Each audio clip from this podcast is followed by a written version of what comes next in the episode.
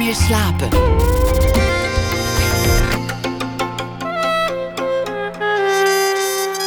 Met Elvie Tromp.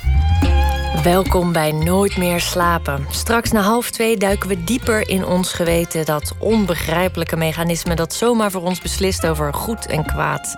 Want dan zenden we de eerste aflevering van de podcastserie Het Maakbare Geweten uit. En komend uur zit tegenover mij, dus tot een uur of half twee, Victor Hagmang.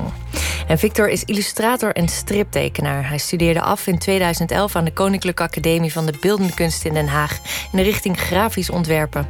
En zijn werk werd onder andere gepubliceerd in de New York Times, Die Zeit, MIT Technology Review en Wired. Dat zijn zeker niet de minste.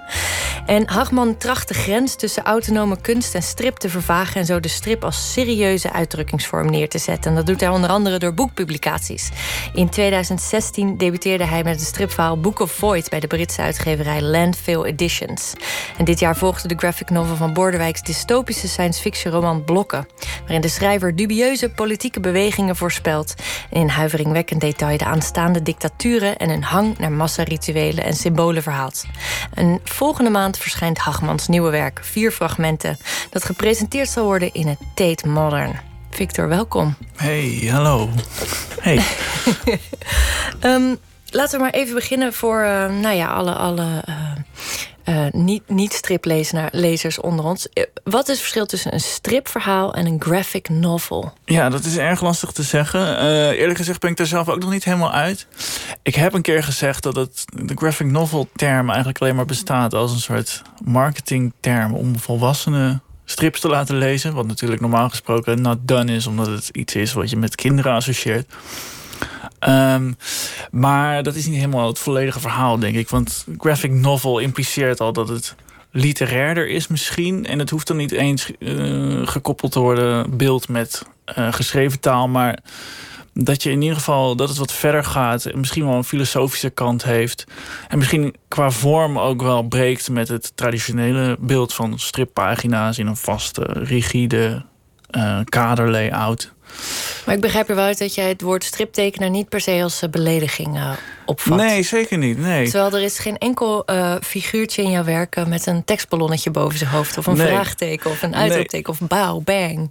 Nee, dat, dat, klopt. Tekstballon is ook wel, dat vind ik ook wel een. Uh, Verleden een, tijd, ja? Nou, dat vind ik wel een moeilijke, moeilijke vorm, moet ik zeggen. Want dat associeer ik zelf ook toch wel meer met Donald Duck en Suske en Wiske. En uh, daar, moeten we nog iets nieuws voor bedenken, laat ik het zo zeggen, om dat op te vangen. Maar dat is nog niet zo eenvoudig. Um, maar uh, je ziet bijvoorbeeld in veel Japanse strips dat ze dat ook op een hele andere manier oplossen. Namelijk gewoon een soort zwevende vignetten waar tekst in geplaatst wordt of, uh, of zoiets. Maar striptekenen vind ik helemaal geen scheldwoord hoor. Dat, of strip maken of hoe je het dan ook wil noemen. Of strips in het algemeen. Nee, dat, dat, dat, mag wat mij betreft mag ik gewoon een striptekenaar genoemd worden. Was jij vroeger zelf ook een, een strip, stripliefhebber? Ja, alleen ik kwam er heel laat achter dat, dat je strips ook kunt lezen. Toen ik, dat klinkt een beetje raar, maar toen ik twaalf was, kwam ik voor het eerst een, een, een stripzaak binnen. En er waren allemaal toch een beetje dikbuikige mannen met baardjes. Die waren strips aan het, aan het lezen. En die waren met elkaar aan het praten over hoe goed het verhaal was. Terwijl ik dacht, hè? Oh, je moet het lezen. Je moet lezen wat er in die tekstballonnen staat. Ik was altijd gewoon bezig met alleen maar kijken en dat zelf een beetje in proberen te vullen wat er dan moest worden. Ja. Maar was dat omdat je niet goed kon lezen? Of dat je nee, meteen nee. afgeleid was door het beeld, dat dat veel sterker was? Ik was gewoon altijd alleen maar gefixeerd op het visuele. En misschien nog steeds wel hoor, voor een groot deel. Maar uh, ja, het ging voor mij toch voornamelijk om het tekenen. En hoe, hoe je, hoe je ja, dingen grafisch moet weergeven. Bewegingen of uh, hoe je afbeeldingen achter elkaar kunt zetten om dan een soort tekenfilmachtig effect te krijgen. Ik dacht dat het daarover ging en dat je dat moest interpreteren. En eigenlijk ben ik daar nog steeds mee bezig. Uh, ja. Voornamelijk met visuele. Nou, het uh, opvallende vind ik dan dat je kiest voor uh, nou, het boek Blokken van Bordewijk. Laten we het daar mm -hmm. meteen over, over hebben. Um, je eerste boek, Book of Void, is woordloos. Een ja. woordloos nou, graphic novel, stripverhaal. Beeldend verhaal in ieder geval. Mm -hmm. En dan kies je toch redelijk gesloten tekst. Um, niet de makkelijkste tekst om nee. te verbeelden. Nee. Hoe, hoe is dat gegaan? Hoe heeft Bordewijk jou gegrepen?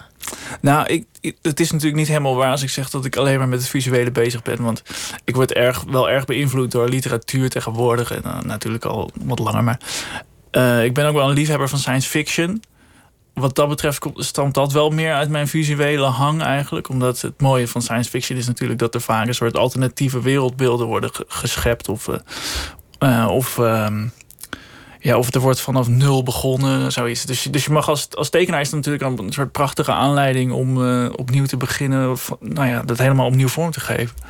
Was het ook een verlangen om een tekst die misschien anders verloren gaat uh, te hertalen? Dat uh, was onlangs was emeritus hoogleraar Marita Matthijs van de Nederlandse letterkunde deed er een soort pleidooi voor in de Volkskrant. Mm Ja, dat heb ik gelezen. Ja, ja dat ze zei: Oh God, kort het in en maak het je eigen, ja. zodat die verhalen niet verloren gaan. Vond ik wel moeilijk, eerlijk gezegd. Maar, en dus dat was ook niet echt mijn, mijn, mijn, mijn insteek. Heb jij dat ook niet, niet jeukte dat niet af en toe? Dat je dacht, nou, deze zin kan er wel uit. Of zullen we dit even anders nee, formuleren? Nee, want uh, toen ik Bordewijk voor het eerst las...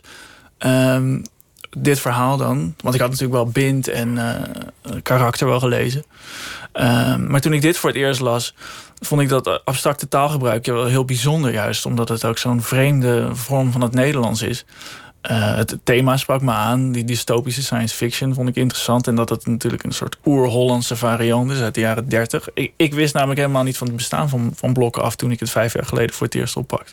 Nee, het is een redelijk onontdekt werk. Als zover we dat nog mhm. kunnen zeggen van inmiddels een uh, wereldberoemde schrijver. Maar uh, het was niet zijn doorbraak. Dat nee, kwam later pas. En het is misschien ook nog steeds een werk voor liefhebbers. Mm en als je dat leest uh, kun je dat misschien ook wel begrijpen. Er zijn geen personages waar je echt kan meeleven. Het is bijna een soort handleiding voor een communistische totalitaire staat eigenlijk.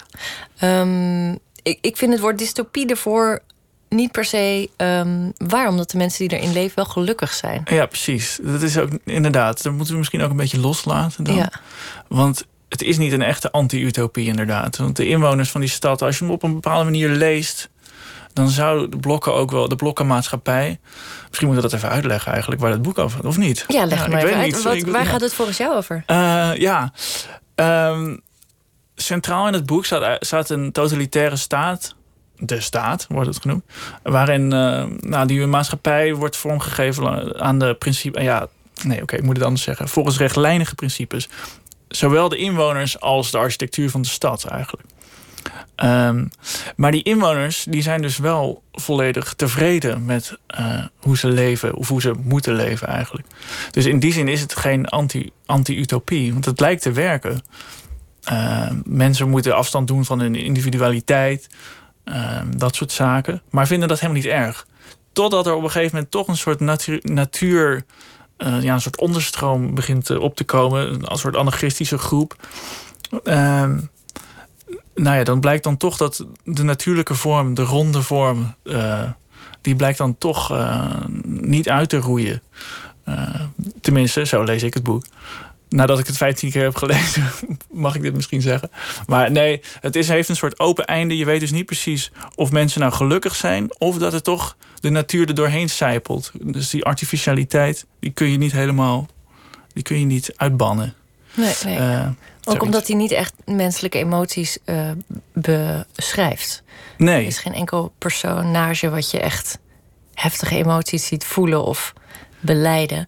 Um, ik heb begrepen dat jij dit werk hebt getekend met de uh, liniaal in je hand. Ja, ja, dat klopt.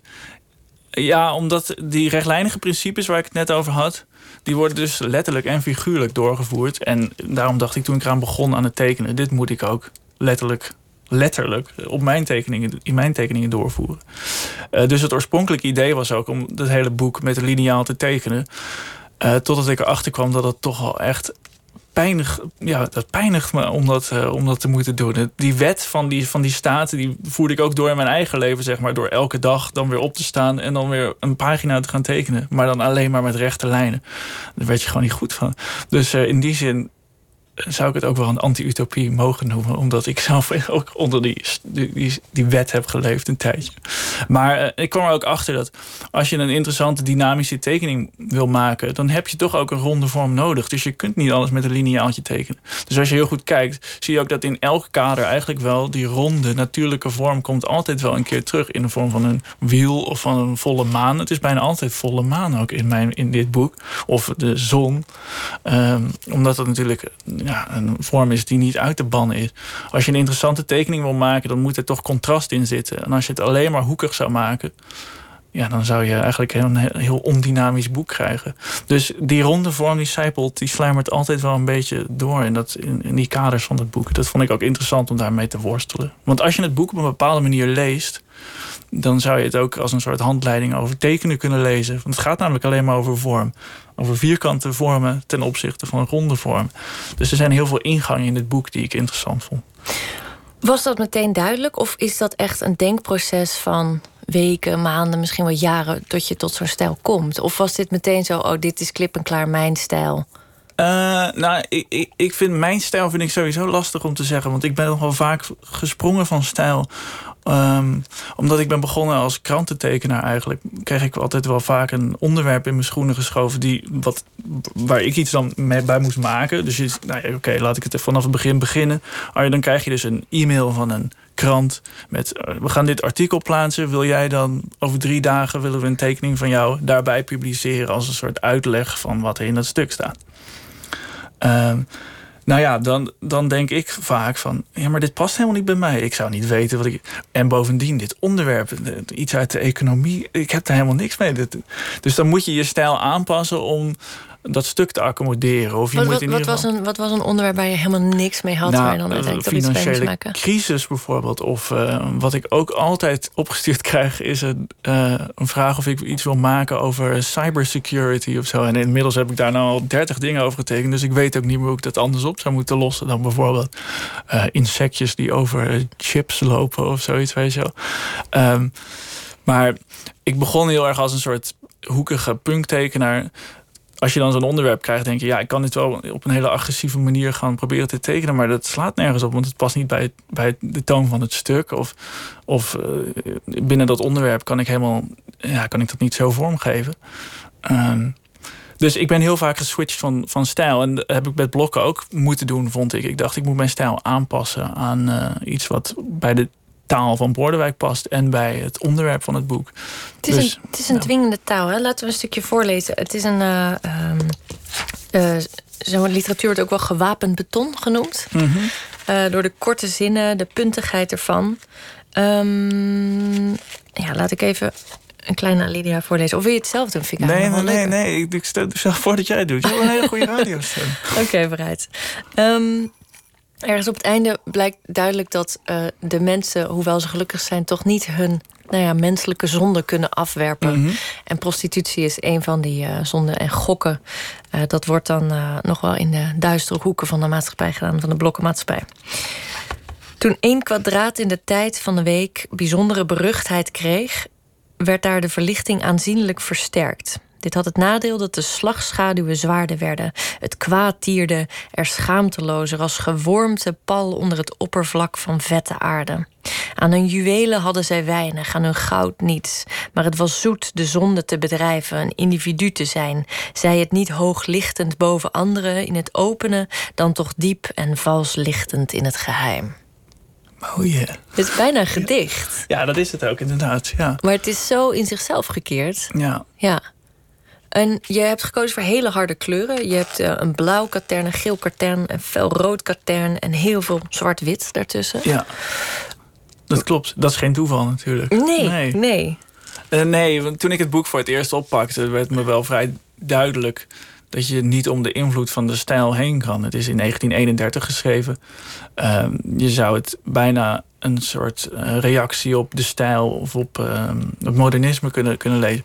En wat is dan de meest voor liggende, het, meest voor de hand liggende kleurenpalet? Is natuurlijk het primaire kleurenpalet rood, geel, blauw. En als je het uh, boek nog meer, nog verder leest, vaker leest, kom je erachter dat ook al die hoofdstukken allemaal al kleurgecodeerd zijn. Veel van die kleuren hebben ook een bepaalde boodschappen die in zich dragen. Dus rood is natuurlijk automatisch bloed. Maar blauw is bijvoorbeeld in, in dit verhaal iets van uh, ja, toch een soort um, geheim. Of uh, dat privacy wordt dan aan de kleur blauw toegeschreven. Um, nou ja, dus dat kon ik heel goed gebruiken. Dat waren een soort handvatten om die kleurcombinaties mee, uh, mee uit te proberen. Het is wel grappig dat je de stijl nu noemt. Mondria komt al in een eerder boek van je voor, in je allereerste boek of Void, ja. waarin een aanslag wordt gepleegd um, op een uh, Mondriaan schilderij dat kapot wordt gesneden. Ja, dat klopt. Wat, wat, wat, dat is geen toeval. Nee. wat nee. is Mondriaan voor jou? Nou, toen zat ik, toen ik Book of Void maakte, dat is dus gebaseerd op een aantal aanslagen op schilderijen op op, eigenlijk op Barnett Newman schilderijen in het Stedelijk Museum. Maar ik zat toen al tot aan mijn knieën in eh, blokken en, en, ik, en ik zat een beetje vast. Ik wist niet zo goed wat ik moest doen. Je hebt hier drieënhalf jaar aan gewerkt. Ik heb hier drieënhalf jaar aan gewerkt, ja. En ik wilde mezelf een soort bliksemopdrachtje geven om, uh, ja, om uit die... Uh, om uit die funk te komen eigenlijk. Dus uh, toen ben ik Book of Void gaan tekenen. En toen natuurlijk kwam ik er eigenlijk niet onderuit... om dan in mijn strip een Mondriaan schilderij kapot te slaan. Bij wijze van het uiten van uh, frustratie eigenlijk. Maar ook het leek me dat een heel mooi gegeven. Een persoonlijke behoefte misschien ook... om de, het verleden kapot te maken ja, voor iets nieuws. En nu, klinkt het, nu kun je het boekje eigenlijk niet anders lezen dan heel, op een hele pathetische manier. oh nee, het is een prachtig boek. Dus oh. uh, ik raad het iedereen aan om het zeker nog okay. uh, nou ja, dat is... te lezen. Maar ik vind Ehm. dat niet pathetisch. Ik vind het wel een grootste daad. Zo, zoiets is ook een grootste daad, een verschrikkelijke daad. Ja. Maar een kunstwerk scheppen is ook een grootste daad. Maar het kapot maken, Ja, precies. zo mogelijk nog wel groter eigenlijk. Ja, het, de, ik stelde me voor, wat, wat zou je doen op de laatste dag?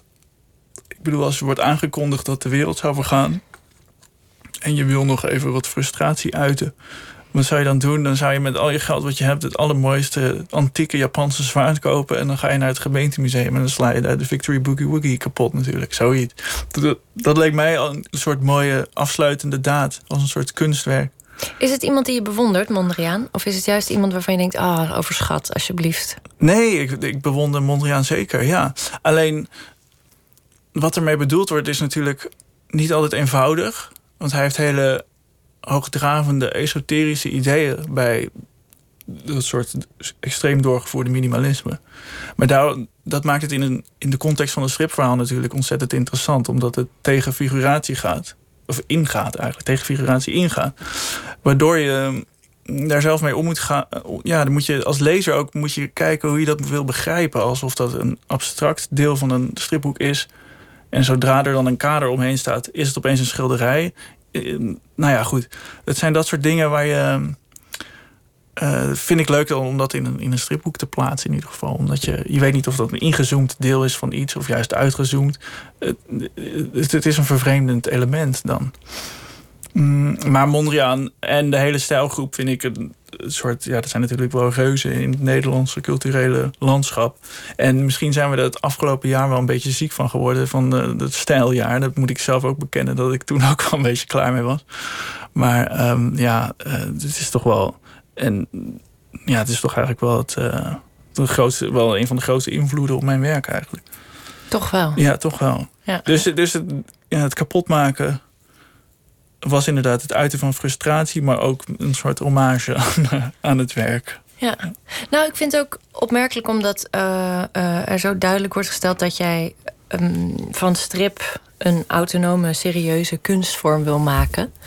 En je begon met krantenwerk, wat natuurlijk ook eigenlijk een soort nou ja, wegwerpkunst is. Mm -hmm. De dag erna is niet meer relevant en wordt het ook niet Precies, dan, meer dan gebruikt. eindigt het in je kattenbak. En, uh, ja, ja, En, uh, en, en nu heb je een, een echt nou ja, kunstwerk. Een boek wat je kunt uh, koesteren en doorgeven aan volgende generaties. Wat een Mhm. antiquair, uh, ja, prachtig iets kan worden. Ik hoop het, ja. Dat, uh... Of denk je, nee, dat, dat moet ook gewoon gerecycled worden? Nee, dit moet gekocht worden. En, en gekoesterd, toch? Ja, gekoesterd, ja, natuurlijk. Ja. Ja, ja, ja. ja. Ja, nog even terug naar die uh, science fiction. Um, waar we nu niet genoeg bij stilstaan, vind ik, is dat het in 1931 werd geschreven. Dat het ja. eigenlijk een voorloper was van het hele genre science fiction. Dat bestond toen in feite nog niet echt. Het was een, een jaar voor Brave New World van uh, Aldous Huxley. Toen dat uitkwam, wat natuurlijk eigenlijk wel nou, het alfa en omega is voor het genre. Ja, ja. Uh, ja, alle twee wel, wel um, beïnvloed door uh, Zamyatin, door Wij. Een soort Russisch, Russische voorloper van het hele uh, dystopische science fiction genre eigenlijk. En daarom hebben ze ook veel met elkaar gemeen. Maar dit is dan een Nederlandse variant. Dus daarom exotisch en bijzonder. En ook wereldwijd dus belangrijk. Ja, science fiction wordt natuurlijk geroemd ook als genre om zijn voorspellende kwaliteiten. Van, Mhm. oh, nou, ze hadden nog nooit een vliegschip gezien en dat had hij toch maar mooi bedacht. nou, dat soort dingen. Wat wist Bordewijk voor waarheid waar wij nu in leven? Wat, wat zit er in dit boek dat wij vandaag de dag. Eh, nou, het eerste wat, wat opvalt is natuurlijk het gebrek aan privacy. Je hoeft er niet erg lang over na te denken. Ehm, dat eh, bijvoorbeeld elk utopisch idee heel eenvoudig met een paar flicks of the wrist omgedraaid kan worden tot precies het tegenovergestelde. Ik bedoel, het eerste wat je te binnen schiet is natuurlijk zoiets als Facebook of ehm, ja, de andere actuele zaken. Maar eh, ja, dus dat anti-utopische element is vrij duidelijk. Het gebrek aan privacy, eh, waar het boek overduidelijk over gaat. Mensen, er is een verbod in de, in de, in de stad, staat. Eh, op gordijnen bijvoorbeeld. Mensen, als ze seks willen bedrijven, moeten ze een bepaald lampje boven hun deur aanzetten. Nou ja, eh, je moet natuurlijk wel een beetje door je wimpers kijken naar dat soort eh, symbolen. Maar ehm, met zoiets als het internet en alles wat nu speelt, ja, is het niet zo, het is niet zo ingewikkeld om daar een hedendaagse equivalent voor te bedenken. Nee. Je zei al eerder dat ja, je stijl ook wel enigszins eh, affiniteit heeft met de punkbeweging. Mhm. Dat is natuurlijk ook een, nou ja, een eh, politieke, die heeft een politieke agenda, revolutionaire agenda.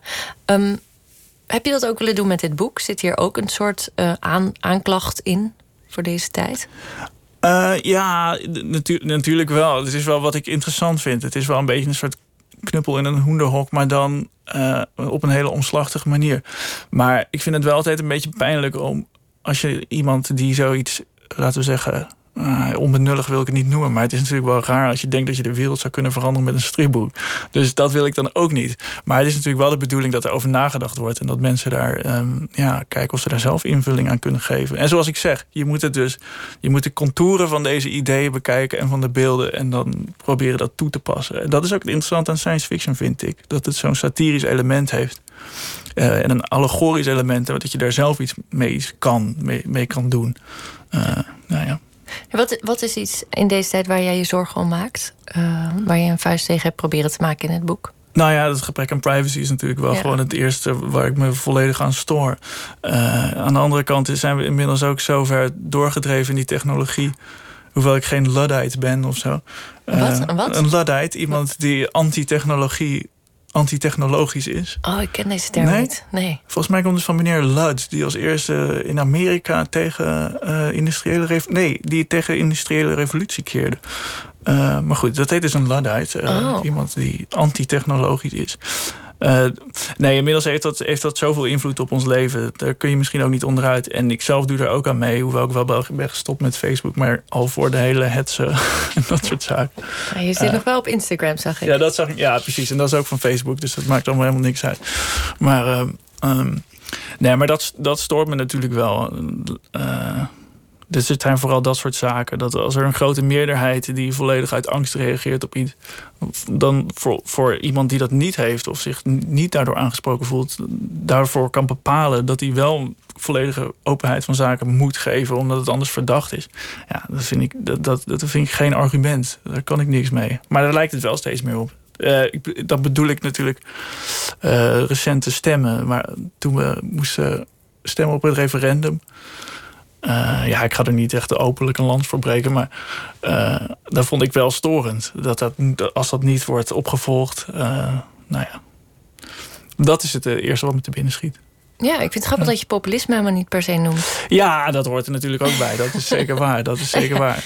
En op een dag als vandaag, op Koningsdag. Koningsdag, ja. Inderdaad. Ik, dat is al zover. Ben ik al zo erg aan gewend. Aan die hele populistische golf. Dat ik me waarschijnlijk. Ben je koningsgezind? Nee, absoluut niet. Wat heb je vandaag gedaan? Ik heb nog wel een, een rommelmarkt bezocht.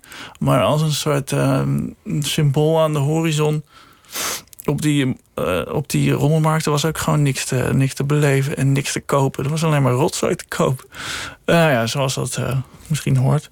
Eh, nee, in ieder geval, dat, dat stelde niet zoveel voor. Het was een vrij druilerige, troosteloze dag. En na een uurtje ben ik weer terug naar huis gegaan... omdat er niks te zien was. En behalve oud, eh, oud speelgoed. Ehm, nee, eh, ik, ik ben eh, niet echt monig... Hoewel ik wel... Ik heb wel de, de Onze Koning bekeken. nou ja, goed. In ieder geval, dat was ik niet erg van onder de indruk. Maar nee, ik, ik ben ik vind dat uh, een soort ouderwetse symbolen. En eigenlijk als je over Nederland nadenkt, is het Koningshuis wel het minst Nederlandse wat je zou kunnen bedenken. Dus, en dat houdt voor mij ook wel uh, verband met het, met populisme. Als een, nou ja, goed, laten we niet te veel over uitweiden. De koning is een, de, de, de, de aardspopulist. Nou ja, eigenlijk wel. Het is eigenlijk gewoon een wandelende vlag natuurlijk. Uh, ja, ik heb er niet zoveel mee, snap ik niet. Ja, ja. ja toch net als in het boek van uh, Blokken is het meeste volk er blij mee. Ja, inderdaad. En die hebben dat waarschijnlijk ook nodig. Ik, ja, ja, waarschijnlijk wel. Ik heb er zelf ook niet zoveel mee. Um, uh, Bordewijk komt ook letterlijk uit jouw wijk, hè? Jij bent, ja. Jullie zijn, komen allebei uit Den Haag. Ja. Heeft, dat, heeft dat nog ergens invloed op je gehad? Of is dat gewoon stom toeval? Ja, zeker. Uh, toen ik voor het eerst het blokken las vond ik het eh, al natuurlijk al heerlijk om te lezen dat iemand uit 1931 zich een ruimteschip probeerde voor te stellen. Ik bedoel, dat is natuurlijk wel zoiets uit, uit het, onder het kopje wat jij zei van... oh, kijk eens hoe mooi die dat al helemaal heeft bedacht. Dan was ik zelf, ik ging zelf ook voor de bijl. Uh, maar dan is het natuurlijk nog magischer om te bedenken... dat het op de hoek van jouw straat is gebeurd. Dat iemand anders dat in 1931 heeft bedacht. Ik vond het mooi, ik vond het interessant. Heb je ook veel over hem gelezen of onderzoek naar hem gedaan... of heb je echt puur de tekst als leidraad genomen? Ik heb me wel in, in hem geprobeerd te verdiepen. Uh, de biografie van Ellie Kamp heb ik, uh, nou, heb ik voornamelijk dus de delen over blokken gelezen. En ik vond het heel leuk om te, om te lezen dat hij zich erg heeft laten beïnvloeden door de film. Hij was een groot filmliefhebber, uh, groot liefhebber van Metropolis, van Frits Lang bijvoorbeeld. En het boek is niet voor niks. Um, opgedragen aan Eisenstein. Dus hij was erg onder de indruk van uh, Panzerkruiser Potemkin. Ook een uh, bekende filmmaker. Een bekende, ja, Science bekende fiction filmmaker. Ja, dus natuurlijk, ik ben ook sterk beïnvloed door de film. En het boek is ook heel filmisch. en het verwijst ook openlijk naar films, expressionistische films. Um, dus dat uh, sterkte me alleen maar toen ik daar later achter kwam dat hij daar ook uh, veel uit heeft geleend. Dus uh, voor mij klopte dat volledig. Hebben jullie ook eigenschappen die overeenkomen? Karaktereigenschappen? Nee, we hebben alleen een eigen, dezelfde soort bril geloof ik. Oh, dat, zien, dat, dat, zien de luisteraars nu niet. Uh, er is een, er is een, een, een, een, een camera aan ergens ah, okay. in deze ruimte. Ik zie hem nooit. Maar um, dus voor de geïnteresseerden kunnen even kijken. Um, je kon drieënhalf jaar werken aan dit boek door het Stimuleringsfonds. Ja. Wat een enorme luxe. Ja, dat was, dat was natuurlijk mooi. Uh, ik was geselecteerd als een van de zoveel talenten, Dutch design talenten van 2014. Um, ja, en dat heeft me heel veel vrijheid gegeven om dit uh, boek op mijn eigen tempo te maken. Ik werk nogal uh, omslachtig. Ik maak uh, een tekening, begint altijd op papier bij mij. Maar vervolgens maak ik hem eigenlijk drie keer opnieuw. Dan ga ik het inscannen, teken ik het lijnwerk opnieuw. Um, nou ja, op de computer kun je natuurlijk eeuwig blijven goochelen met tekeningen. Uh, maar dat wil dus zeggen dat ik mijn tekeningen ongeveer ja, drie, ja, zeker wel drie keer voorbij zie, komen en uh, in andere iteraties. Um, dus ik werk heel langzaam, dat, dat bedoel ik daarmee te zeggen.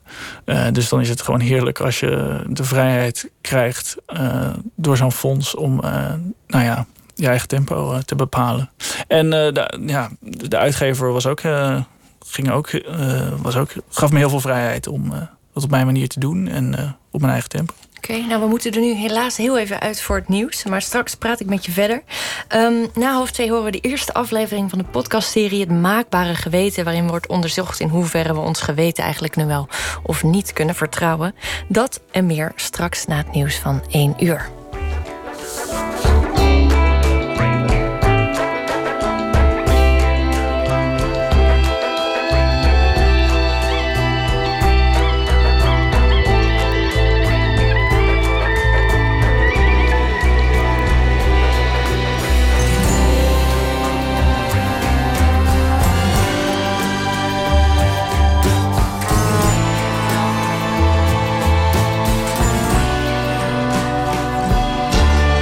Radio 1. Het nieuws van alle kanten.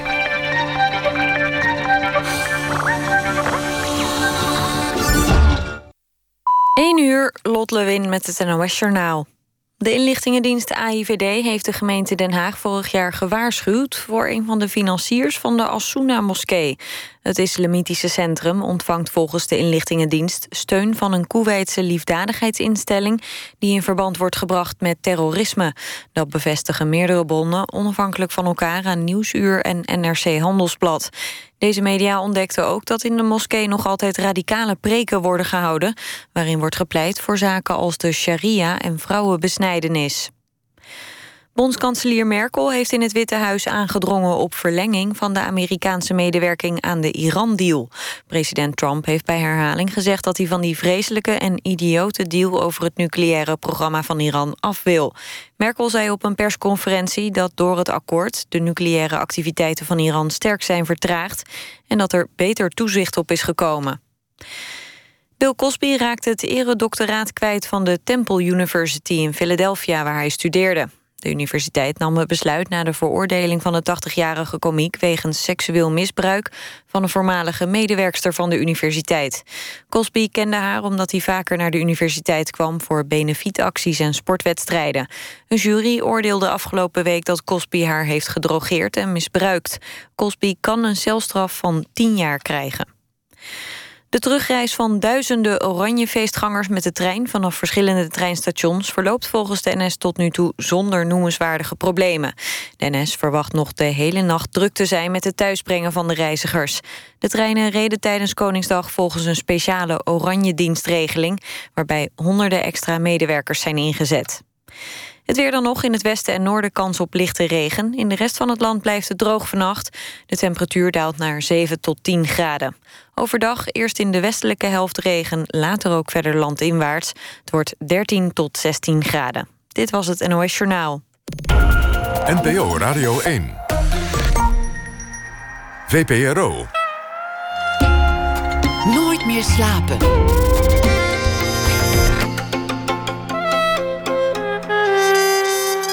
Met Elvie Tromp.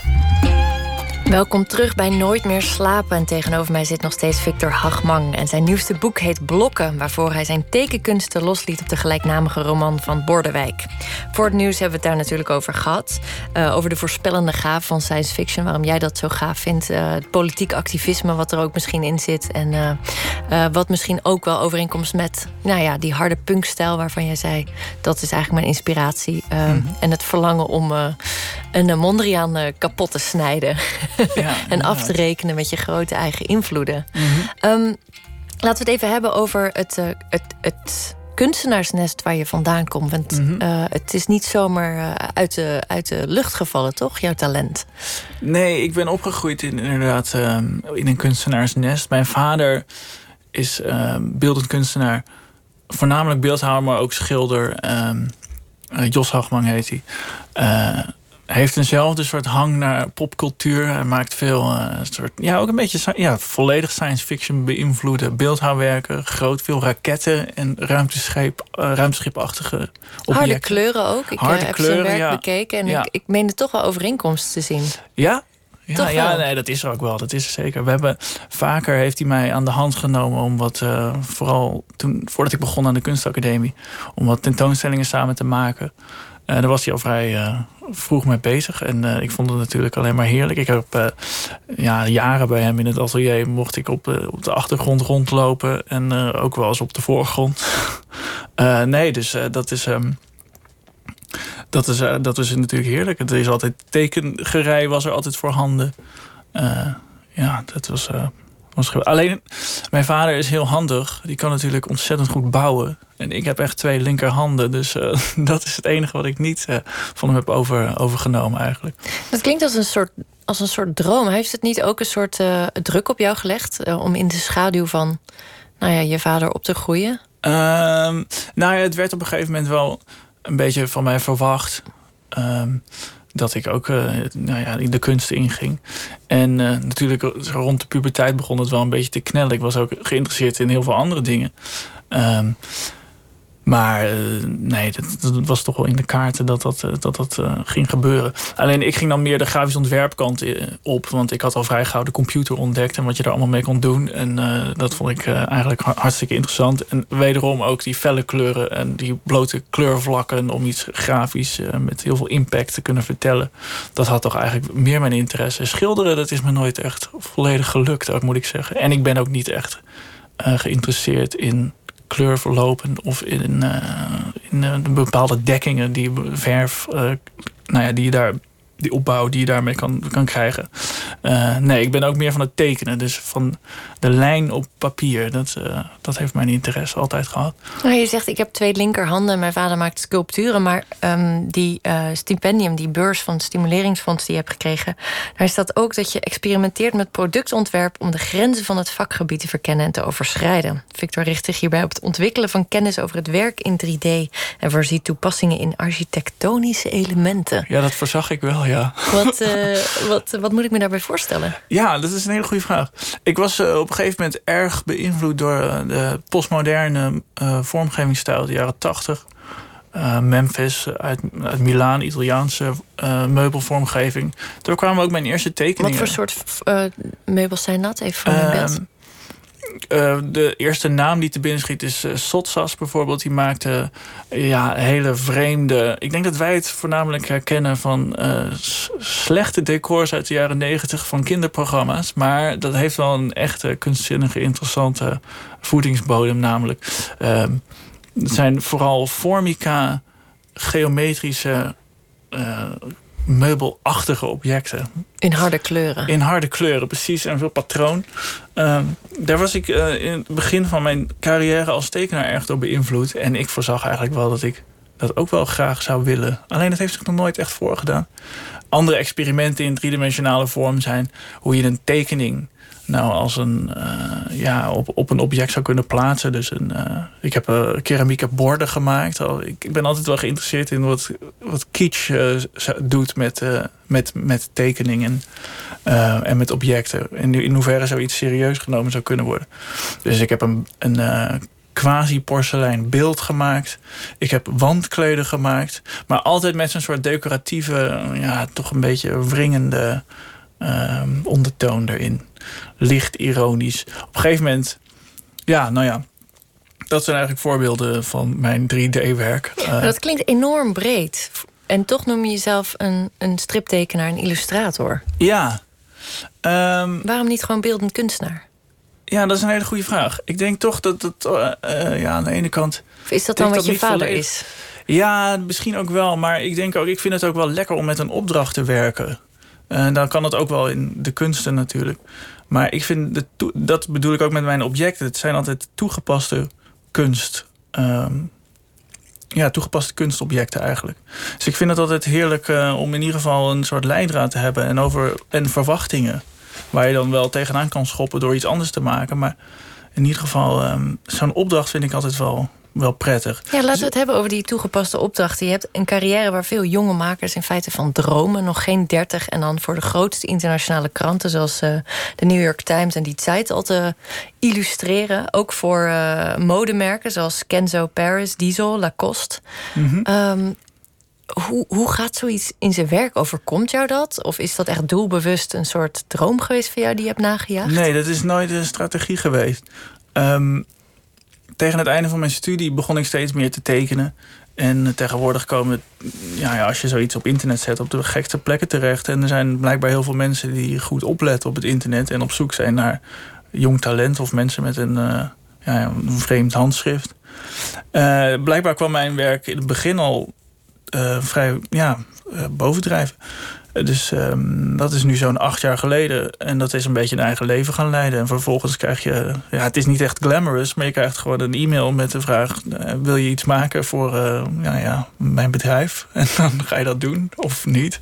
Heb je ook een modeaffiniteit of helemaal nee, niet? Eigenlijk, nee, eigenlijk helemaal niet. Nee. Mm. Van mij moet het altijd zo simpel mogelijk. Alleen als iemand aan mij vraagt om iets te maken... wat op een ja, wat op een uh, kledingstuk moet komen, ja, dan, dan wil ik wel mijn best doen om daar een interessante draai aan te geven. Want daar heb je, je hebt daadwerkelijk ontwerpen gemaakt voor kledingstukken. Nee, het is vaak, uh, vaak meer een opdruk. Uh, dus het is eigenlijk helemaal niet zo'n interessante opdracht. Dus hoor, we want het is gewoon... nu eigenlijk een Victor Hagman design al dragen. Ja, als nog je niet zou de willen. meubels kopen, nog niet de, de, de Nee. wandkleden, maar wel de, Nee, maar de eh, shirt. dat, dat zou wel kunnen, ja. Maar dat is ook wel een beetje... eh, Ja, dat is ook niet zo'n interessante opdracht. Dus daarom vond ik het ook niet zo bijzonder. Dat is toch waanzinnig? Hele modeacademies zitten vol met mensen die ja, dat is dromen. waar. Maar die doen er iets interessants mee. En bij mij is het natuurlijk dan, dan is het gewoon de vraag of ik een, een opdruk van een t-shirt wil maken. Nou ja, dat wil ik wel. Maar het verschilt in principe niet van een andere tekening die ik zou maken. Dus, eh, maar eh, ja, het is natuurlijk wel leuk. Want je hebt een heel, heel groot afzetgebied. En, eh, ja, ja, en ook de opdrachten zijn ook soms wel interessant. Eh, nou ja, voor Kenzo bijvoorbeeld heb ik iets gemaakt.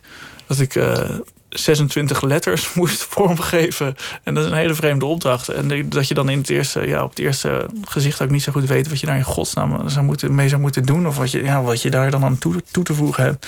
En eh, ja, nou ja, dan komt er iets uit. En dan hoop je maar of, dat het interessant is. Ja, het, is het is raar om over tekeningen te praten op de radio natuurlijk. Maar ook wel weer leuk. Want nu En wat kwam daar uiteindelijk uit? nou, eh, dat was eigenlijk, wilden ze alle 26 letters die verband hielden met eh, dingen die ik ken zou, waar ze zich zo, nou ja, een soort kreten waar ze zich aan, aan op, ophingen. Soort, het was wel echt een soort marketingopdracht trouwens. Ehm, maar die wilden alle 26 letters dan in een andere stijl vormgegeven hebben met eh, figuratieve elementen daarin. Klinkt heel vaag en opdracht was ook heel vaag, dus ik kon er van alles mee doen. Dat was eigenlijk dus om, ja, om mezelf te dwingen om in 26 verschillende stijlen te tekenen. En dat was eigenlijk al wel een interessant eh, Ja, want hoe beïnvloedt de, zo toegepast werken je eigen vrije werk? Ehm, ja, en dat onderscheid is, is niet helemaal duidelijk. Behalve dan dat ik wat, eh, misschien wat met wat minder verwachtingen om hoef te gaan. En dat ik daar zelf ja, wederom weer mijn eigen tijd voor kan nemen. Want die tijdsdruk vind ik toch wel. Toch vind ik dat wel slopend of soms wel vervelend. En dat je niet eh, het even weg kan leggen en dan nog even over na kan denken. Maar het moet altijd instantly moeten dan wat, wat liggen op een, op een gegeven moment. Eh, maar in principe in stijl heb ik nooit een, echt een onderscheid eh, gezien. En, en ook had ik nooit het idee dat ik aan mijn portfolio moest voldoen. Wat heel veel jonge makers tegenwoordig geloof ik wel hebben. Dat je een bepaalde stijl vast moet houden om voor jezelf een, eh, ja, een bepaalde niche te kunnen maken. Nee, ik, ik dacht altijd, nou ja, na twee jaar heb ik dit wel gezien wat ik nu maak. Ik ga gewoon iets anders maken. En als iemand aan mij vraagt om iets te maken, dan maak ik het in die nieuwe stijl. En als ze dat niet leuk vinden, dan, ja, nou ja, dan, niet dan is het pech gehad. Maar dan, nou ja, dan probeer ik het op een andere manier. Ja, dat zie je ook in de vrijheid in je nieuwe verschijnen werken. eh, vier, ehm, vier fragmenten. En dan ben je weer helemaal veel vrijer en ronder en veel zachtere kleuren dan in blokken, wat je nu eh, uit hebt. Ja. Dus was dat ook dan een bevrijding dat je dan denkt, ah, nu helemaal iets anders? Ja, ja eigenlijk wel. Eh, blokken, dat verhaal is natuurlijk al heel staccato en rigide. En die sfeer eh, is eigenlijk door het hele boek eigenlijk wel hetzelfde. Maar dat moet je dan wel vast zien te houden voor zo'n boek. Eh, hoewel elk hoofdstuk wel een ander soort vormexperiment in zich draagt. Ehm, ja, vond ik het toch met het nieuwe boekje wel heel interessant om daar juist weer hard tegenaan te schoppen. En eigenlijk ook niet precies te weten wat het nou is. Of wat, eh, wat de verhalen. Zijn korte stripverhalen, maar wat ze nou ook precies betekenen. Het zijn een soort losse droomsequenties. Waarvan ik ook niet goed het idee heb wat, wat het is. En ze zijn voornamelijk uit collages ontstaan. Ehm, dat is dus weer heel anders dan blokken. Omdat dat, ja, dan moet je voldoen aan de tekst. Moet, moet toch wel samenvallen vallen met beeld. Of moet een interessante combinatie eh, teweeg brengen. Eh, Laten we het zo over vier fragmenten Ja. hebben over het boek wat staat te verschijnen. Ehm, maar laten we eerst een liedje luisteren. Want eh, je raakt niet alleen geïnspireerd van commercieel werk of toegepast werk, maar ook van muziek, heb ik begrepen. Ja, dat klopt. Ja, en daarvoor hebben wij gekozen voor het nummer. Nu pak ik mijn tekst er even bij. Dat is altijd de vraag waar die was. Ehm, van Kraftwerk, ja, The Model. Eh, voor zijn boek. li- voor je boek liet je je eh, inspireren door het nummer The Model van Kraftwerk. Ja, nou ja, krachtwerk is, is, is nou ja, het is Laten we eerst even gaan Ja, ja, sowieso. Ja. Ja.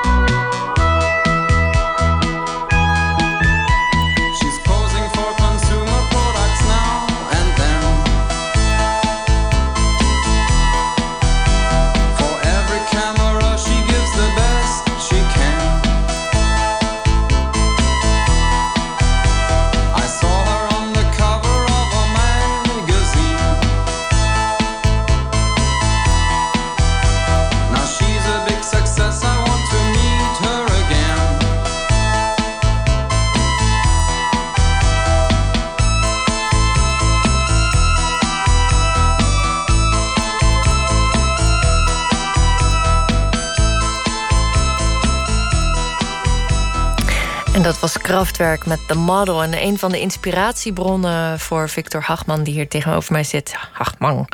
ehm, die hier tegenover Ja. mij zit voor het boek eh, Blokken v- van Bordewijk, wat je hebt eh, verstript of verbeeld.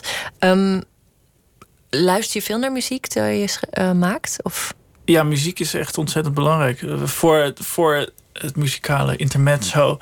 Nou ja, zei ik al dat het erg lastig is om de sfeer vast te houden. Op zo'n, nou ja, als iets 100 pagina's duurt, dan is het ook belangrijk om dat eh, ja, wel volledig vol te houden. En eh, een manier om dat te doen is dan natuurlijk om een, nummer te hebben waar je dat dan op kan hangen. Dat in ieder geval wat soort visu- visuele cues geeft waar je aan, eh, of een sfeer aanduidt waar je dan, eh, waar je, ja, dat als een handvat kan dienen. Zodat je dat niet zelf hoeft te onthouden of dat het daarom fout kan gaan. Dan zet je gewoon het nummer op en dan weet je weer, oh ja, zo, de- deze sfeer. dit, dit zou de soundtrack kunnen zijn van het boek? Ja, dat zou kunnen. Er zijn ook nog wel heel veel andere nummers die, er, die wat mij betreft verband houden. Je bent ook Met- begonnen met platenhoes, hè? Ja, dat klopt. Ja. Ja, eh, een plaat. Ja, daar ben ik inderdaad mee begonnen. Ik had muzikanten, vrienden en, eh, en ook in. En ook eh, concerten werden er vaak georganiseerd. En dan is er één iemand natuurlijk altijd de pineut die de poster moet maken. En eh, toen ik heel jong was, werd dat, was dat ja, dat was ik dat natuurlijk. En dat vond ik eigenlijk ook prachtig, want dan kon je dan zelf mee experimenteren en een icoon maken waar, nou wat als een soort eh, verkeersbord eh, diende, zeg maar. Nou ja, vond ik leuk. Was, dit dan, was dat ook in de, in de stijl van de New Wave en de punk? Of Ja, daar heb ik me op een gegeven moment wel zwaar aan, eh, aan opgehangen. Ehm, een eh, ja, niet zo'n beroemde ontwerper uit, Engeland, maar die heet Barney Bubbles. Was voor mij ontzettend belangrijk. Eh, eh, daar heb ik heel veel van gekopieerd toen ik op de kunstacademie zat. En wa- En wat voor werk maakt hij? Ik, eh, naast een waanzinnige naam. Ik heb geen idee wat hij Oh, maakt. ja, dat is ook niet zijn echte naam. Maar hij heeft bijvoorbeeld heel veel hoezen voor Elvis Costello gemaakt. En hoewel ik mezelf niet eens zo verbonden voel met de muziek van Elvis Costello... eh, zijn die hoezen echt heel iconisch en vreemd. Ehm, heel veel dingen voor het punklabel Stiff Records heeft hij ontworpen. En hij hing zich eigenlijk net als Factory Records later deed... eh, hing die zijn werk op aan werk van voorgangers. En net als Kraftwerk overigens in het, in nummer... wat in die platenhoes van eh, Das Model... duidelijk uh, Elisitsky en uh, Rodchenko Russisch constructivisme kopieert. Nou ja, daar heb ik dus ook eigenlijk heel veel van geleend tijdens het maken van dit boek. Ja, een grote inspiratie voor jou is ook eh, de Japanner Yuichi Yokoyama, die een soort woordeloze strips maakt. Ja, uh, wederom een hele, nou ja, net als ik dat probeer te doen, een hele abstracte uh, stripmaker. Uh, zijn strips hebben eigenlijk niet echt... hebben wel een lineair verhaal, maar verhaal zeg maar tussen, tussen aanhalingstekens. Bijvoorbeeld een beroemd... Nou ja, niet, nee, het is zeker niet beroemd. Maar een belangrijk werk voor mij is het boekje Travel... wat hij heeft gemaakt. Dat zijn dus ongeveer 200 pagina's strips van... Uh, soort abstracte geometrische figuren die een trein ingaan en vervolgens uit het raam kijken, 200 pagina's lang. Maar wel van alles meemaken hoor. En al prachtige tekeningen. En dan tegen het einde uitstappen en uh, naar de zee toe lopen. Dat is, uh, dat is het boek. Uh, alles zonder woorden. En het klinkt misschien wel afschrikwekkend en saai, maar je hebt er echt, ja, je vliegt er zo doorheen. Dat is hartstikke, hartstikke mooi. Dat klinkt als die stap naar de beeldende kunst. Ja. De vrijheid van de strip en het verhaal en de tekstballon. Ja, dat probeer ik op mijn eigen manier ook te doen. Ja. ja. Hoe is het strip, uh, de stripcultuur in Nederland eigenlijk? Is die levendig? Uh, is, die, ja, is dat heel erg niche of is dat een ons kent ons wereld? Vind ik heel moeilijk om iets over te zeggen. Want ik, heb zelf ook, ik hoor er zelf ook niet echt bij. Uh, ik, omdat ik ook niet zoveel heb uitgebracht. Dus dit is eigenlijk, Blok is eigenlijk het eerste ding in Nederland... wat een beetje hopelijk. Dat is ook opvallend, want uh, je nieuwe boek verschijnt ook weer bij een Britse uitgeverij, je eerste ook. Mm -hmm. Is dat heel doelbewust? Is dat ook een droom van je om uh, uh, verder dan de landsgrenzen bekend te zijn? Nee hoor, die waren er gewoon het vroegste bij. dus, en die zijn heel loyaal en ik ook. Dus ja, de, de, omdat ik misschien ook wel een nicherig, nicherig werk maak, vind ik het ook heel veilig om dat daar uit te brengen. En komt het daar ook uh, goed terecht. Uh, dus het is geen droom, maar wederom weer zoiets van... die mensen waren de eerste, dus uh, daar doe ik, werk ik graag mee. Ja, dat vind ik prettig. Ja. Het nou, is geen spannend verhaal, maar... Nou, het, het, klinkt inderdaad zo onschuldig. En ik denk voor nichewerk is het beter om bij een Britse uitgeverij te zitten. Dan ja. heb je een groter bereik dan in Nederland. Ja, het interessante is natuurlijk ook wel als je woordeloze strips maakt. En dat vond ik ook het interessante aan je kunt een Japans woordeloos stripboek... kun je natuurlijk op elke plek van de wereld uitbrengen. Dat maakt er natuurlijk helemaal niks uit, want er wordt niks in geschreven. Je hoeft ook geen verhaal te kunnen begrijpen, of bedoel, een taal te kunnen begrijpen. Het is allemaal beeld. Dus uh, in principe maakt het ook helemaal niet uit waar ik iets uitbreng, zolang ik woordeloze dingen blijf maken natuurlijk. Met blokken is dat een ander verhaal. Ik zou graag willen dat het vertaald wordt in het Engels, zodat we daar natuurlijk uh, dat boek bekender kunnen maken in het buitenland. Uh, maar eerst maar eens zien wat het hier in Nederland doet. Ja. Je boekpresentatie voor je nieuwe boek uh, Vier Fragmenten is in het Tate Modern. Ja. Ik kan me voorstellen dat je een beetje in je broek moet plassen. Nou ja, als het je is dat dan voor elkaar krijgt. Nou, het is een onderdeel van een kunstboekenbeurs. dus ik vind het al heel leuk dat het überhaupt in Tate Modern is natuurlijk. Maar dat het ook nog in zo'n uh, in die context van kunstpublicaties is. Dat vind ik, dat, volgens mij klopt dat. Uh, maar wederom is dat weer iets wat, ik, wat gewoon uh, waar ik in geland ben en waar ik zelf niks voor heb gedaan. Of, nee, dus dat, dat komt dan aanwaaien. En daar kan ik alleen maar dankbaar voor zijn. Ja. Maar dat is volgende maand ja. in Londen. En neem je dan je samurai zwaard mee? Zoals dat gebeurt in Book of Void? Ik of? denk dat uh, EasyJet dat niet uh, echt kan waarderen als ik dat zou doen. Ja, nog even terug naar die uh, Yuagai Yokoyama... die dus eigenlijk, nou ja, die, eigenlijk die logische stap van nou ja, beeldend kunst naar strip of vice versa maakt. Mm -hmm. um, intuïtieve beeldverhalen. Um, is dat ook wat jij hebt willen doen met vier fragmenten? Uh, ja, ik, deze verhalen, nou ja, zoals ik net al zei. Ik... Ook woordeloos. Het zijn steeds fragmenten die voor mij gaan over creatie. Mm -hmm. Dus we zien een soort, bijvoorbeeld een verhaal van een holemens die voor het eerst zijn vingers in de modder doopt of in een kleurstof en daar een teken mee maakt. Mm -hmm. Het begin van taal. Ja. Een soort goddelijke inspiratie. Uh, de persoon die de eerste dolk van de wereld smeet en zichzelf daarbij neersteekt. Ook mm -hmm. een beetje gruwelijk. Um, toch zag ik ook weer hier een soort creatiedaad van de kunstenaar in. Of zit ik nu te veel erin te lezen? Nee, ik vind dat wel. Ik vind dat een hele goede interpretatie. Kijk, het rare met het maken van stripboeken is dat het heel veel tijd kost. En je zit alleen maar, je zit vooral heel veel tijd met jezelf opgescheept. Je weet dat het interessant is om zoiets te vertellen. Maar wat het precies betekent, weet je niet. En het komt eigenlijk pas tot leven wanneer iemand anders het voor het eerst leest. Een buitenstaander die mij misschien niet goed kent, uh, dan pas krijgt zo'n ding inhoud. Tenminste, in dit geval. Want het is voornamelijk voortgekomen uit wat er gebeurt als je kaders losknipt uit een strip waar je aan het tekenen bent. En eh, die je dan bijvoorbeeld collageert en daar waar je op een, die op een andere manier rangschikt. En dan kijk je gewoon wat er gebeurt. Nou ja, zo. Dus dat komt heel intuïtief tot stand. Uh, en kijk, beeldtaal heeft natuurlijk wel een betekenis en is een genuanceerd volwassen taal, maar uh, gebruik geen woorden. Dus dat is, nou, dat, dat, is dus erg lastig om daar zelf, als je daar een tekst over moet schrijven of je moet er iets over zeggen, dekt dat nooit volledig de lading uh, als het al een lading dekt. Dus begrijp wat ik bedoel. Ja, je hebt nu met, uh, met Bordewijk gewerkt. Denk je dat je ooit nog verder met tekst gaat werken? Ik denk, ik zou het graag doen. Ja, dat lijkt me hartstikke leuk. Ja, alleen, alleen moet ik een goede oertekst vinden of een, of een goede schrijver om mee samen te werken natuurlijk. Ja, er zijn natuurlijk nog genoeg uh, levende science fiction schrijvers ook. Ja, dat is waar. En ook hele goede doden hoor. Dus, uh... Genoeg om uit te kiezen. Ja. Victor, mag ik jou bedanken voor de komst naar de studio. En uh, je boek Blokken, of de hertaling daarvan, de verbeelding, de verstripping, de graphic novel, die is nu uit. Ja. Dankjewel. Dank je. Dank je. Nooit meer slapen. En wij gaan door met muziek van Jarles Kavellen. En zij is een singer-songwriter uit Noorwegen. En volgende maand, verschijnt zijn debuutalbum getiteld The Ghost in Your Smile. En daarvan draaien we dit nummer Coming Home.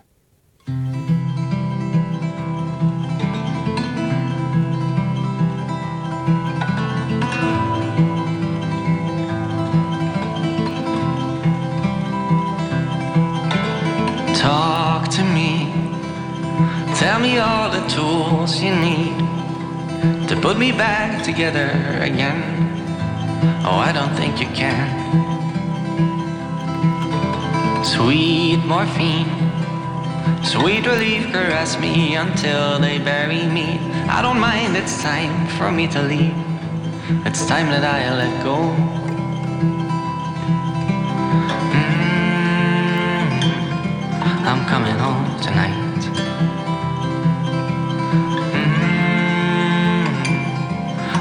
Coming home.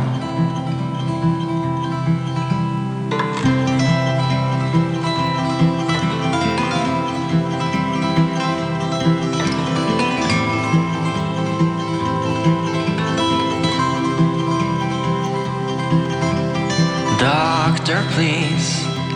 I got someone waiting for me. Got someone special waiting for me on the other side. I'm the one who stayed behind. Young and free, we got married at 17. Long ago, back when the rainbows were black and white. Oh, I was beautiful that night. Mm-hmm. I'm coming home tonight.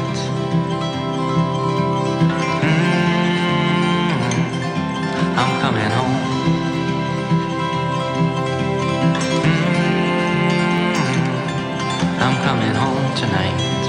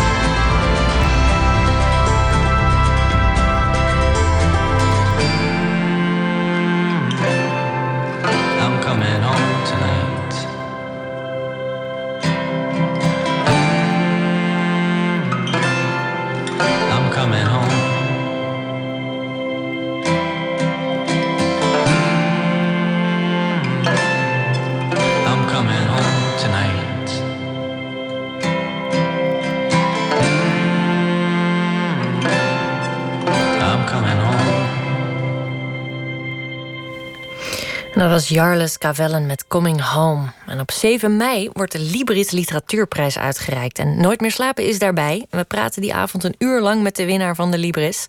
En de komende dagen stellen we de genomineerden vast aan u voor. Uh, we hebben daarvoor zes ambassadeurs gevonden die bereid zijn om een goed woordje te doen over hun favoriete boek dat genomineerd is. En vandaag spreekt uh, dichter Ellen Dekwits over het boek En we noemen hem van Marjolein van Heemstra.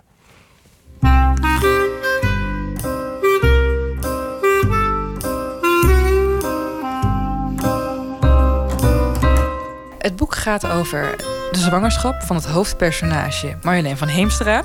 Zij is in verwachting en zij heeft in een ver verleden een belofte gedaan dat haar eerste zoon genoemd zou worden naar een oud-oom. Een oud-oom die in de Tweede Wereld, vlak na de Tweede Wereldoorlog een held was, want zo wil het familieverhaal. Hij heeft een NSB'er opgeblazen, waardoor hij ook de heroïsche bijnaam Bommenneef kreeg. En haar eerst, eerste zoon, het blijkt op een gegeven moment dat ze in verwachting is van een jongetje, zal dus zijn naam, Frans, krijgen. En terwijl ze zwanger is, denkt ze van ja, maar ik weet eigenlijk zo weinig van deze man. En ze gaat op onderzoek uit en ze begint een beetje rond te bedden in de familie. En langzaam maar zeker ontdekt ze dat die bommenneef helemaal niet zo'n brave Hendrik was. En dat hij nog veel meer op zijn geweten heeft. En de pointe van dit boek, en dat vind ik met ook fantastisch aan, is dat de verhalen die wij overgeleverd krijgen, of het nou familieverhalen zijn of verhalen over vaderlandse geschiedenis zijn altijd gladgestreken, gecensureerd en aangepast aan de narratieven die ons geen slapeloze nachten bezorgen. Dat vind ik knap aan dit boek.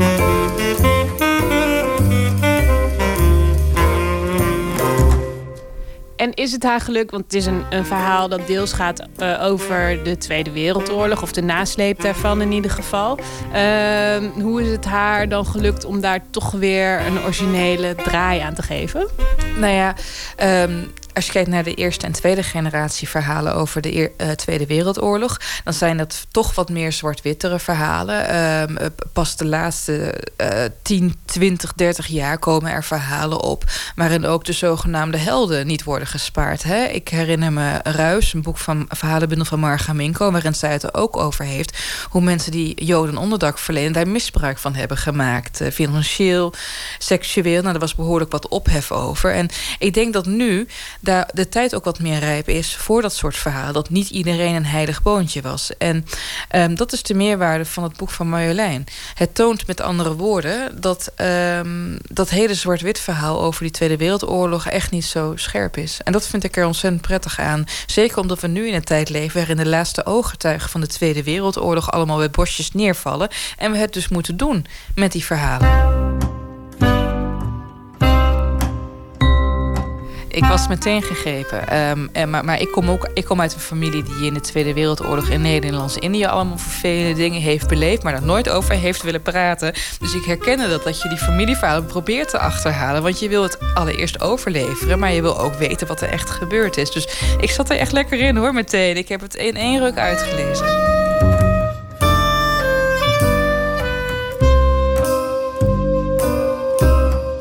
Kijk, weet je, voor, voor deze Libris is een aantal hele mooie romans genomineerd. En uh, um, mijn twee lievelingsboeken zijn die van Marjolein, maar ook De Pelikaan van Michael Martin Dries. Daar zal ik nog geen ambassadeurschap voor zijn. Maar uh, wat mij veel meer bevalt aan Marjoleins boek, is dat zij ze had ook een satire hiervan kunnen maken. Een satire waarin die oom zichzelf de hele op de borst klopt... en zij als uh, zo, zogenaamd naïef achternichtje... de hele tijd weer het neus op de deksel krijgt... want ze wil maar blijven geloven. En die oorlogsheroïek... en dat die, uh, dat, dat die echt een soort van uh, Hannie Schafte is, die oom. En um, ze heeft ervoor gekozen om echt de twijfel erin te vermelden. En ook de schok en eigenlijk de valse hoop. Want je hoopt natuurlijk niet dat je familie bent van een NSB'er. Ze durft het serieus te nemen, het verhaal. Jazeker, jazeker. Met alle risico's die daarbij komen. Want als je een serieus verhaal schrijft, niet alleen over het oorlogsverleden, maar ook over een zwangerschap, dan kan je al heel snel het verwijt krijgen dat je sentimenteel bent. Maar nergens is ze sentimenteel.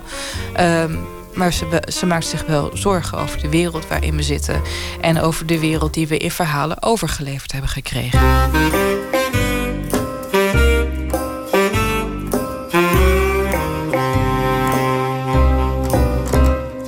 Denk je dat ze gaat winnen? Ja. Ik denk, nou, althans, het, het, het gaat tussen haar en Michael Martin Driessen. Als ik kijk naar de jury-samenstelling, uh, kijk, uh, dan, dan, dan geef ik haar het voordeel van de twijfel.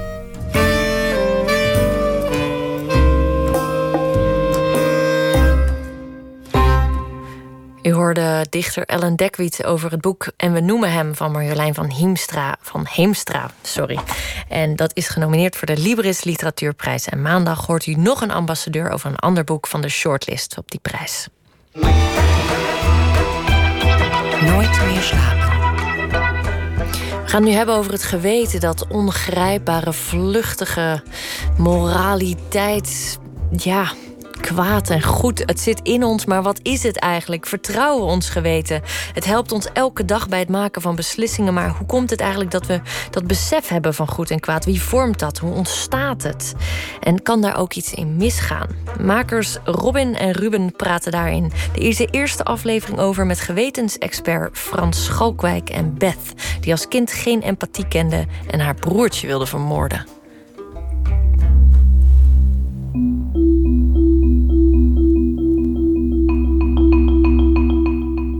Are they afraid that you might hurt them? Yep. Mm-hmm. And what would you do to them, Beth? Stab them. When would you do it? Right now. Mijn naam is Ruben. En ik ben Robin. En deze podcast gaat over het geweten. We nemen je mee in onze zoektocht naar een van de onduidelijkste fenomenen op aarde: ons geweten. Een zoektocht door wetenschap, persoonlijke verhalen en ideeën die ons uiteindelijk een indruk zullen geven van dat grote, mysterieuze, abstracte en machtige mechanisme. Het mechanisme dat voor ons besluit over goed en kwaad. In deze aflevering spreken we met een dame die op YouTube bekend staat als Psychopath Child. Zijn we ons geweten even kwijt? En ontmoeten we een vrolijk kritische gewetensexpert.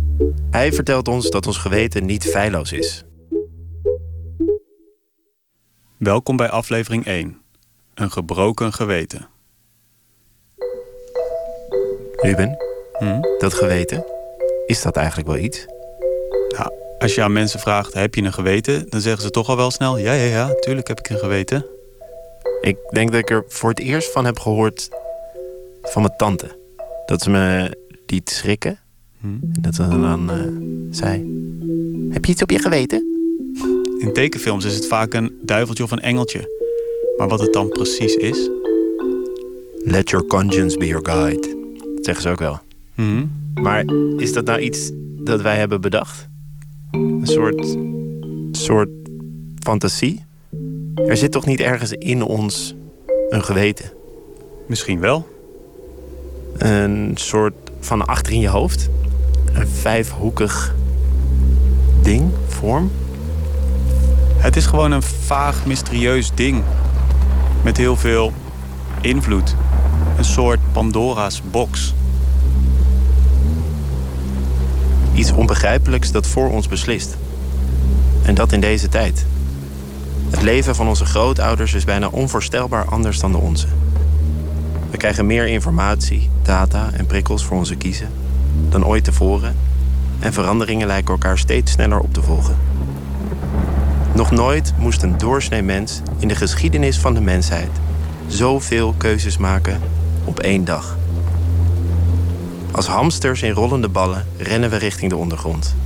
We hebben eigenlijk geen tijd meer om ergens bij stil te staan. Meer dan ooit is het van belang dat we vertrouwen op ons geweten. Maar is dat geweten wel te vertrouwen?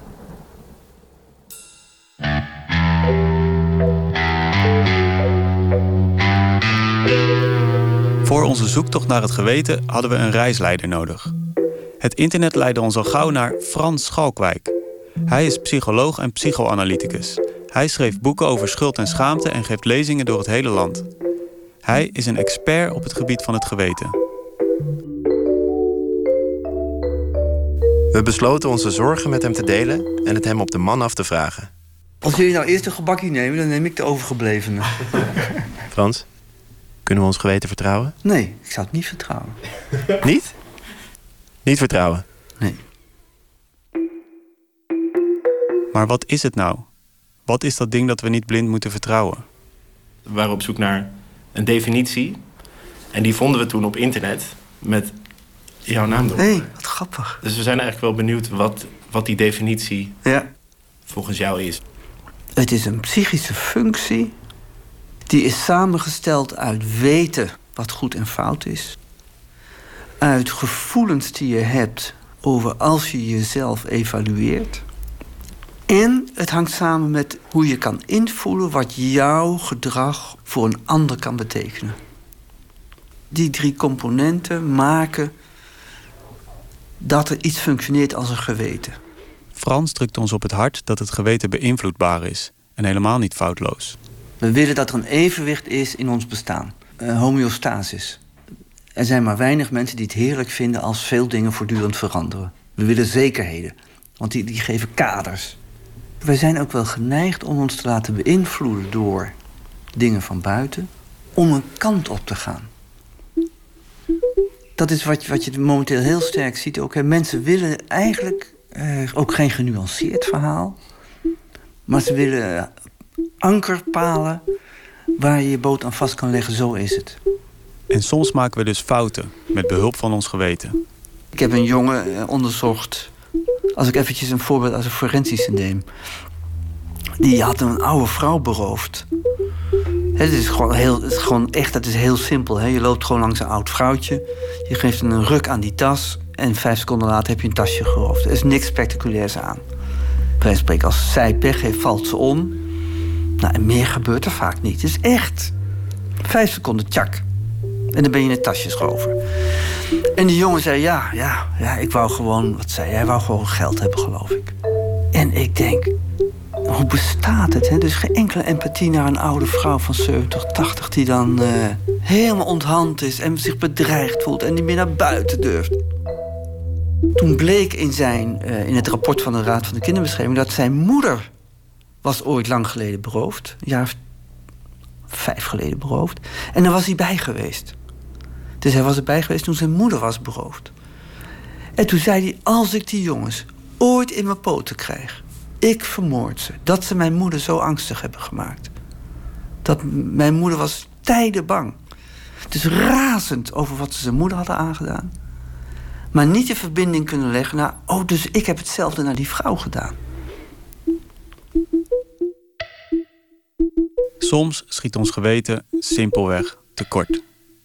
Om meer te weten over hoe ons geweten fouten kan maken, moesten we terug naar onze jeugd.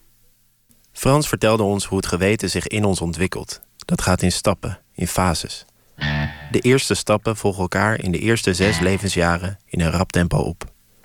Je lijkt als baby, peuter of kleuter wel een supersnel werkende computer die zichzelf razendsnel ontwikkelt. Frans nam ons in vogelvlucht mee door de ontwikkeling van ons geweten. Daar gaan we. In de interactie met de vader, de moeder... ervaar je wat de ander voelt. Ga je oppikken wat jij voelt naar de ander toe. En dat, dan ontwikkel je een empathisch vermogen. Dus je geweten ontwikkelt zich en je begint zonder geweten. Baby's zijn dan een soort psychopaten. Ja, gewetenloze wezentjes. Psycho babies. Dat is stap 1.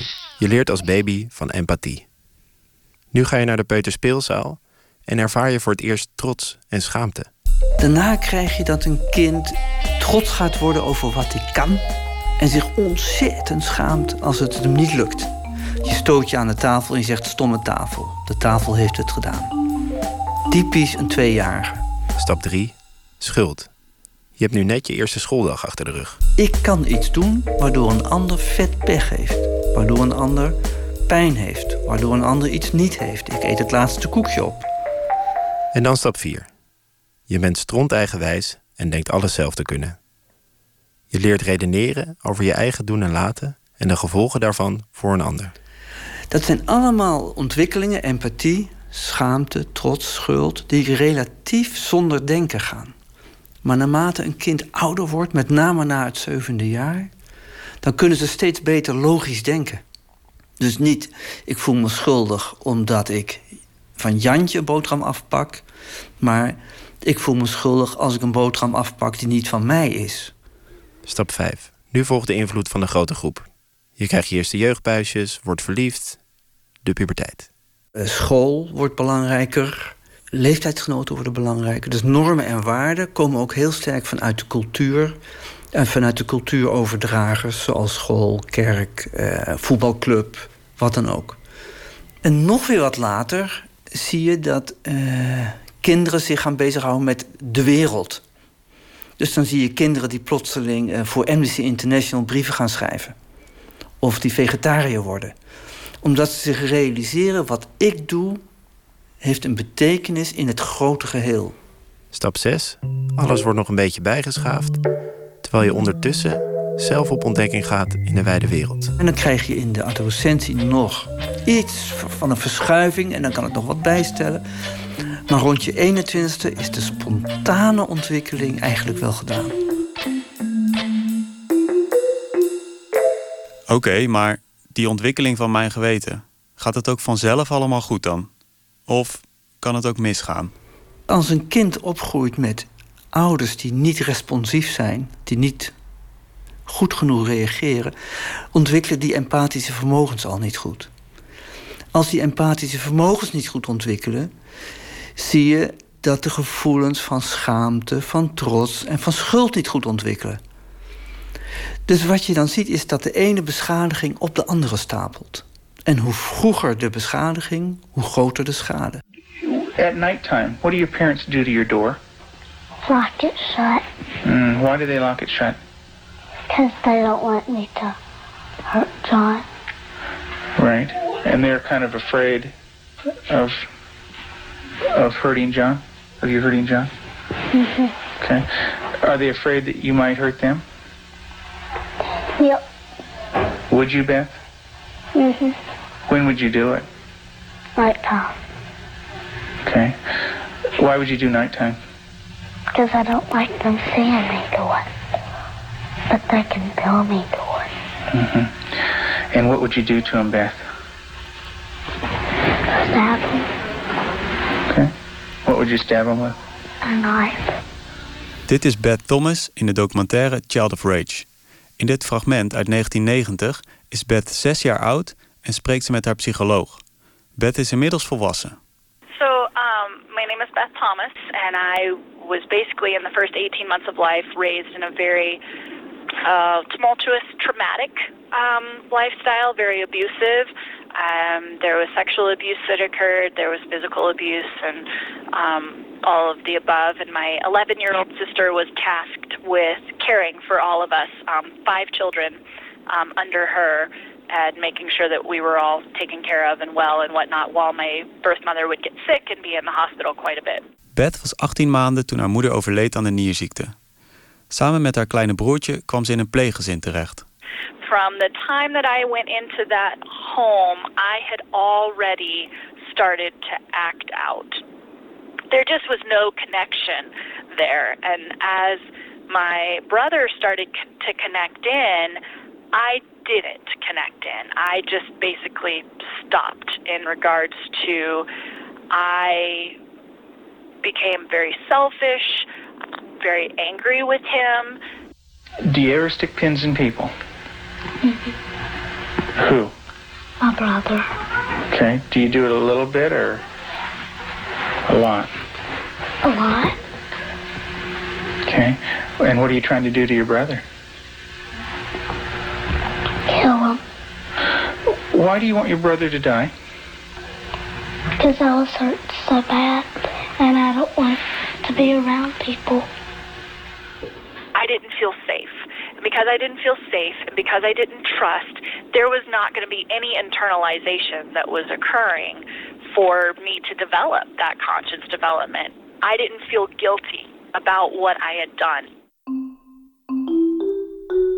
Haar pleegouders konden haar niet helpen. They were doing all the stuff that they thought they were supposed to be doing with a child that had never been abused or hurt or broken. Ze schakelde de hulp in van haar huidige pleegmoeder Nancy.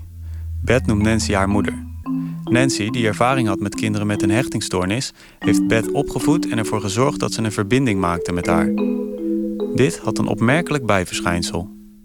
If Beth answered this phone today, you would not know if you were talking to me or Beth because as she internalized me, she took in my voice and the way that I talk, my hand gestures, my facial expressions. As a young girl, she took all of those in. Then, as a young adult, she certainly has her own style of hand gestures and whatever, but she still does some of mine. But she internalized the most important thing, which is, of course, what's right and what's wrong. We vroegen Nancy waarom ze denkt dat het geweten van Beth en de kinderen waarmee ze werkt zo anders ontwikkelt. The conscience development relies on that relationship with someone else that we trust and admire and feel safe with.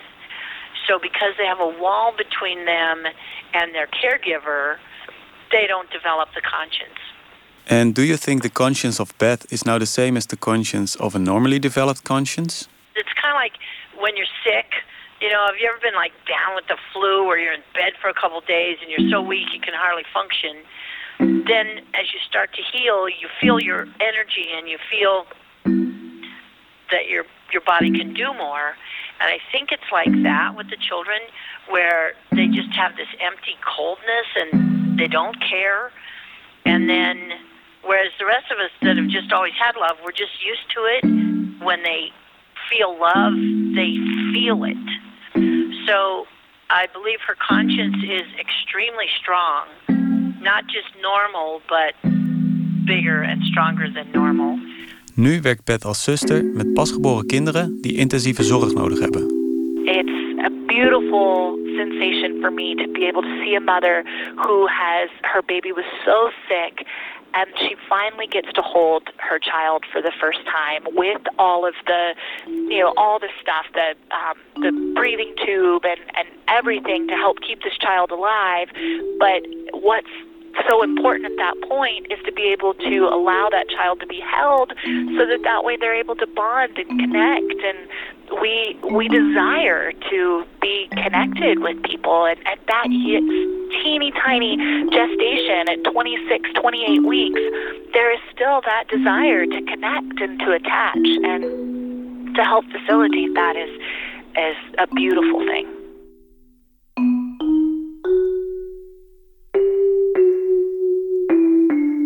Weet je wat ik nou zo fascinerend vind? Nou? Het is er ineens. En dan heb je voor de rest van je leven een geweten. Een constante aanwezigheid. Op zoek naar input, feedback en nieuwe lessen. Ruben, Mhm. heb je er wel een beetje goed voor gezorgd? Voor je geweten?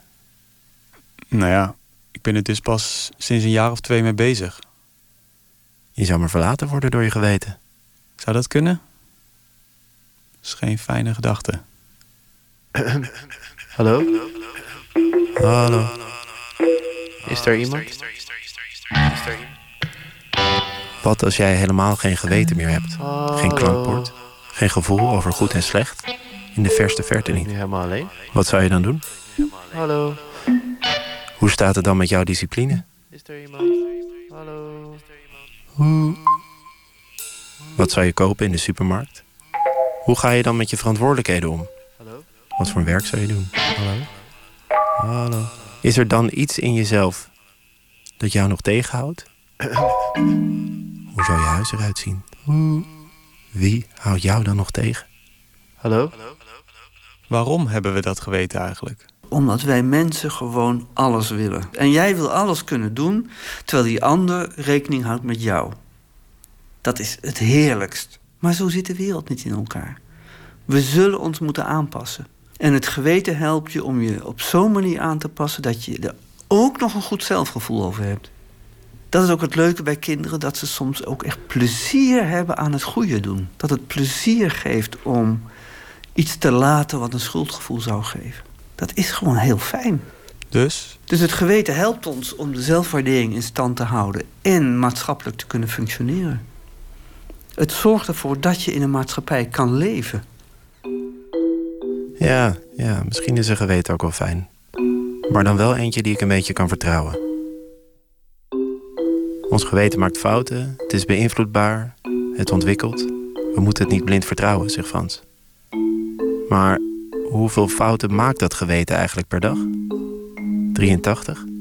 4.794.733? 12. Stel dat we erachter komen dat ons geweten echt te veel fouten maakt. Dat ons geweten gebroken is. Zijn we dan nog in staat het te redden? Kunnen we het verbeteren? En hoe dan? Stel dat er een reden is dat je je nog wil ontwikkelen daarin, dan zou je dat echt moeten zoeken. Er is van alles mogelijk, maar dat moet je echt bewust, gestuurd en gewild doen. En dan kan het geweten echt nog veranderen. In aflevering 2 gaan we ons geweten verbeteren. We gaan kijken hoe we dat moeten doen en als we het verbeteren, of we dan ook het vertrouwen terugkrijgen. when you have that true conscience development, you're vulnerable. You're vulnerable to emotion, you're vulnerable to um, what people say, you're vulnerable to what people think, and you're vulnerable to your yourself. You are your own worst critic. And to have to really see myself for who I was, it's it's difficult to do and it's difficult for a lot of people to do. I mean, there are some 50-year-old people that still can't accept that. So it, it was very eye-opening. U hoorde deel 1 van de podcastserie Het Maakbare Geweten van Ruben Pest en Robin van Gelder in samenwerking met VPRO Dorst. En volgende week hebben we de tweede aflevering voor u. Ik vertel nog even iets over maandag, want dan praat Pieter van de Wielen hier op mijn plek met schrijver en kunsthistoricus Eva Rovers. Die brak door met het boek Bout, de biografie over Boudewijn Boeg. En vorig jaar publiceerde zij Ik kom in opstand, dus wij zijn. Een betoog over opstand in digitale tijden. Haar nieuwe boek, Praktivisme sluit hierop aan. Een handboek tegen machteloosheid en voor mensen die de wereld willen veranderen. Mensen zoals u en ik. Ook hebben we fotograaf Bas Lozekoot dan te gast in onze open kaartrubriek. De afgelopen zeven jaar werkte hij als fotograaf aan zijn Urban Millennial Project, waarin hij de gevolgen van toenemende urbanisatie en bevolkingsdichtheid op het menselijk gedrag heeft vastgelegd. En dat deed hij niet zomaar in Katwijk of in Klootwijk. Nee, hij reisde heel de wereld over. Zo was hij onder andere in New York, Sao Paulo, Mumbai, Hongkong en Londen. En met als resultaat een foto-essay over de invloed van urbanisatie op menselijk gedrag in de megasteden. Dat onder meer maandag. Straks kunt u luisteren naar de Nacht van de Radio van BNN Vara. Dan rest mij alleen nog u een goede nacht te wensen. En ik hoop u snel weer te horen. Tot nooit meer slapen.